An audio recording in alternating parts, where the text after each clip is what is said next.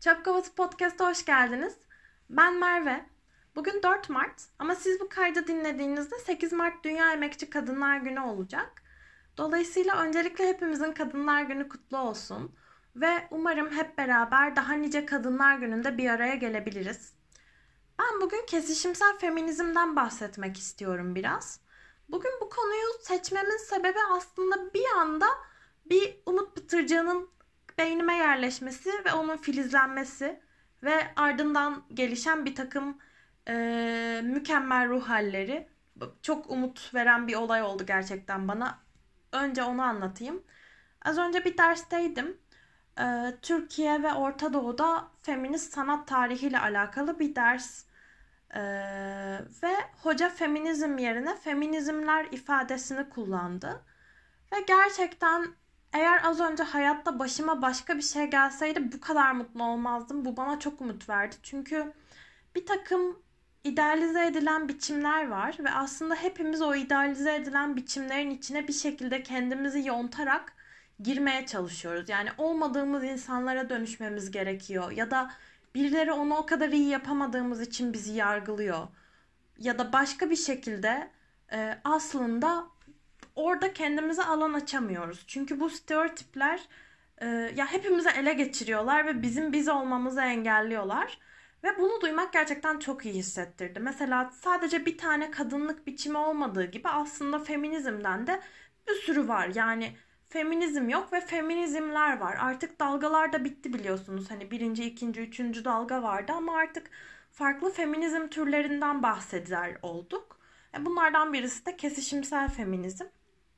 Tabii e, bunun ortaya çıkmasında etkili olan bir takım şeylerden bahsetmeden önce ben kesişimsel feminizmin ne olduğundan bahsetmek istiyorum. Kesişimsel feminizm özetle tek bir feminizm yok, feminizmler var diyen bir anlayış. Ama çok hoşuma giden bir tanım oldu ve bunu sizinle paylaşacağım. Bu Juliet Williams'ın tanımı.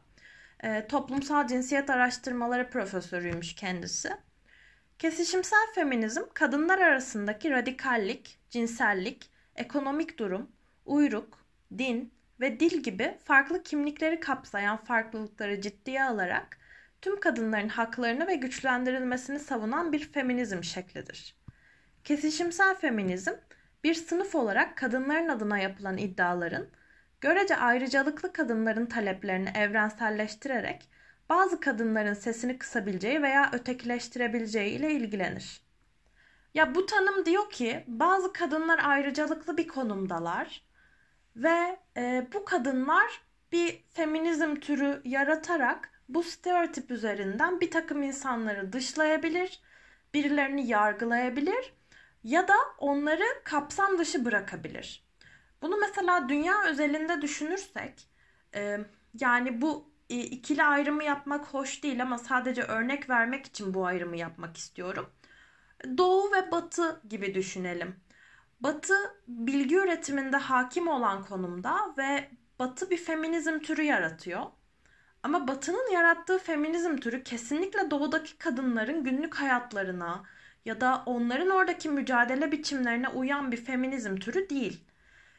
Dolayısıyla bir takım insanlar ötekileştiriliyor e, insanlardan kastım kadınlar özellikle. Ve diğerleri kendi yarattıkları bu stereotip içerisinde bir şekilde aslında kapsayıcı olmayan bir mücadele yürütmeye devam ediyorlar. E tabi böyle olunca da dezavantajlı konumdaki kadınlar yeterince temsil edilemiyor aslında. Yani protestolarda gördüğümüz talepler ya da problemler hep avantajlı konumda olan ve bir şekilde bu feminizmi yaratabilen, o ideolojiyi oluşturabilen insanların elinden çıkmış oluyor. Biz aslında sesi kısılan insanların sesi olamıyoruz. Kesişimsel feminizm de tam olarak burada işimize yarayan bir şey. Çünkü kesişimsel feminizm dünyadaki bütün kadınlık deneyimlerini kapsayan bir anlayış. Yani tabii takdir edersiniz ki hepimizin farklı dertleri, farklı mücadeleleri var ve e, bazı insanların bir takım suçlara, ötekileştirmelere ya da şiddete maruz kalmaları daha olası. Mesela aklıma ilk gelen şöyle bir örnek oldu. Trans insanların nefret suçuna maruz kalmaları natrans bireylere göre daha olası. Ve hani kimse bunun aksini de iddia edemez. Bu konuda illaki bir araştırma yapılmıştır. Ben şu an sadece aklıma ilk gelen örnek bu olduğu için bunu verdim ama bir de bir yandan da Twitter'da geçenlerde bir tartışma dönüyordu. Ee, transları dışlayan feminizm anlayışıyla alakalı. Ee, yani muhtemelen o 1900'lerde falan kaldı ve biz şu an kapsayıcı olan şeylerden bahsediyoruz. Ee, kesişimsellik çünkü insanların kendileri gibi olmasına olanak sunan bir şey ve e, kimsenin kendi karakterini ya da kendi bedenini, e, kendi hayat pratiklerini, deneyimlerini, düşüncelerini yontmadan oldukları gibi sahip oldukları ideoloji ve eylemsellik içerisinde hareket etmelerine alan sağlayan bir şey. Ya bayağı özgürleştirici bir şey yani aslında. Mesela benim az önce verdiğim örnekten de yola çıkarsak ben na trans bir kadınım ve nefret suçuna maruz kalma olasılığım trans bir kadına göre daha az. Ve o kişinin muhtemelen böyle bir durumda mağduriyeti daha fazla olacak. Ama bir yandan da benim hayatımda olup biten bir sürü şey de var. Ben de kendimi güvensiz hissettiğim zamanlarda ve mekanlarda bulunabilirim. Ben de nefret suçuna maruz kalabilirim. Ya sadece gecenin bir yarısı bardan çıkıp evime yürüyorken bile nefret suçuna maruz kalabilirim.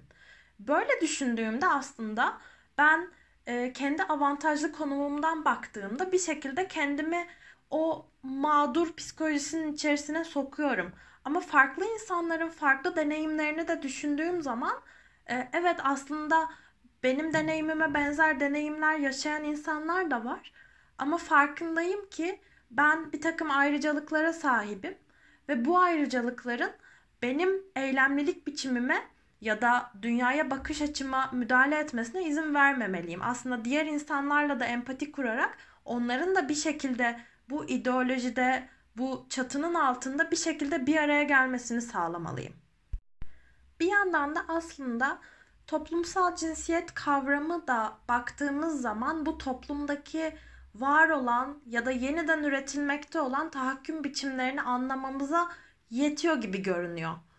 E, bunu Aksu Bora söylemişti. Birikimde yayınlanan bir yazısında. Tarihini hatırlamıyorum ama hani neden toplumsal cinsiyet yetmiyor diye bir soru vardı makalede.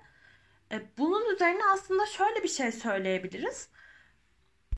Bazı insanlar kendilerini aynı toplumsal cinsiyet grubuna mensup olarak tanımlasalar bile o alandaki deneyimleri gerçekten acayip farklı. Yani e, herkes farklı ayrıcalıklara sahip bir yandan da herkes farklı tahakküm biçimlerine maruz kalıyor. Kesişimsel feminizm ise bizim bunları görmemizi sağlıyor. Çünkü aslında toplum kendi içerisinde hiyerarşik bir yapıya sahip. Bu hiyerarşik yapıda aslında biz şu an bunu istemiyoruz ve onaylamıyoruz olsak da bir takım toplumsal cinsiyet sınıfları var ve bu işte gruplar arasında yine bir hiyerarşi mevcut. Yani biraz da imgelerden, 8 Mart deyince aklımıza gelenlerden ya da kadın, kadınlık deneyimleri, kadınlar gibi ifadeleri kullanınca aklımıza ilk gelen şeylerden bahsedeceğim. Bir poster vardı. İkinci Dünya Savaşı'nda e, kadınlar fabrikalarda çalışıyor. İşte bunu bu anlayışı yaygınlaştırmak ve işte kadınları cesaretlendirilmek için yapılan bir poster. Rosie diye bir kadındı sanırım posterdeki kadının adı yanlış hatırlamıyorsam. E, We Can Do It yazıyor üzerinde. Hepiniz görmüşsünüzdür. İşte sarı bir arka plan. E, Rosie önde. Böyle kırmızı ojeleri var falan. Aşırı seksi bir ablamız. Ve bu çok uzun yıllar feminizmin imgesi olarak kullanıldı çok enteresan çünkü burada şeyi ben anlayamıyorum. Yani orada idealize edilmiş bir kadın formu var ve diyor ki bütün kadınlar böyle olmak zorunda. Bütün kadınlar bu kadar seksi olmak zorunda. Tam poster gerçekten çok seksi. Hani bunu kimse inkar edemez ama şey çok komik geliyor bana. Hani bunun idealize edilmesi ve bunun bir ideoloji için kullanılması ya da bir başka şeyden bahsedecek olursam Şimdi bu 8 Mart öncesinde 8 Mart'tan birkaç hafta önce başlayan bir olay bu. Her sene olan işte pizzacı indirim yapıyor. Kozmetikçi indirim yapıyor. Bütün mağazalar indirim yapıyor. 8 Mart indirimi kadınlar günü olduğu için. Ya şey çok saçma.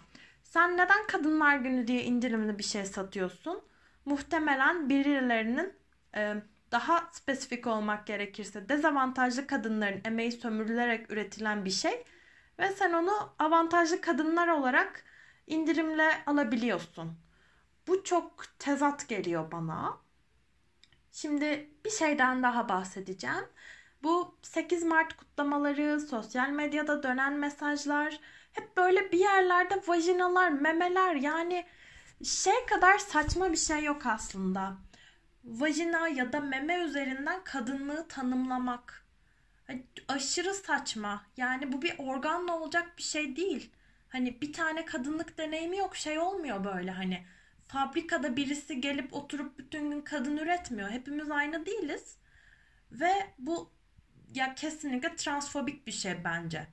Kadınlığı bir organ üzerinden tanımlamak.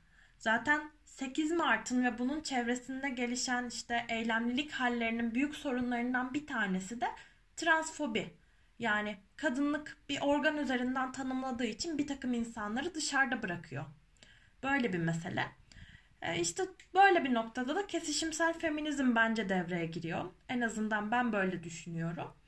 Bu işte farklılıkları da, eşitlikleri de ya da avantajlı dezavantajlı konumları da gözeterek hepimizin bir arada birlikte olmasını sağlayan, herkesi kapsayan bir şey. Ve biz aslında idealize edilmiş formlarla kendimizi tanımlamadıkça ya da kendimizi onlara uymak için yontmaya çalışmadıkça bir şekilde özgürleşeceğiz. Ben buna inanıyorum. Beni dinlediğiniz için çok teşekkür ederim. Tekrardan görüşmek üzere başka bir bölümde. Kendinize çok iyi bakın.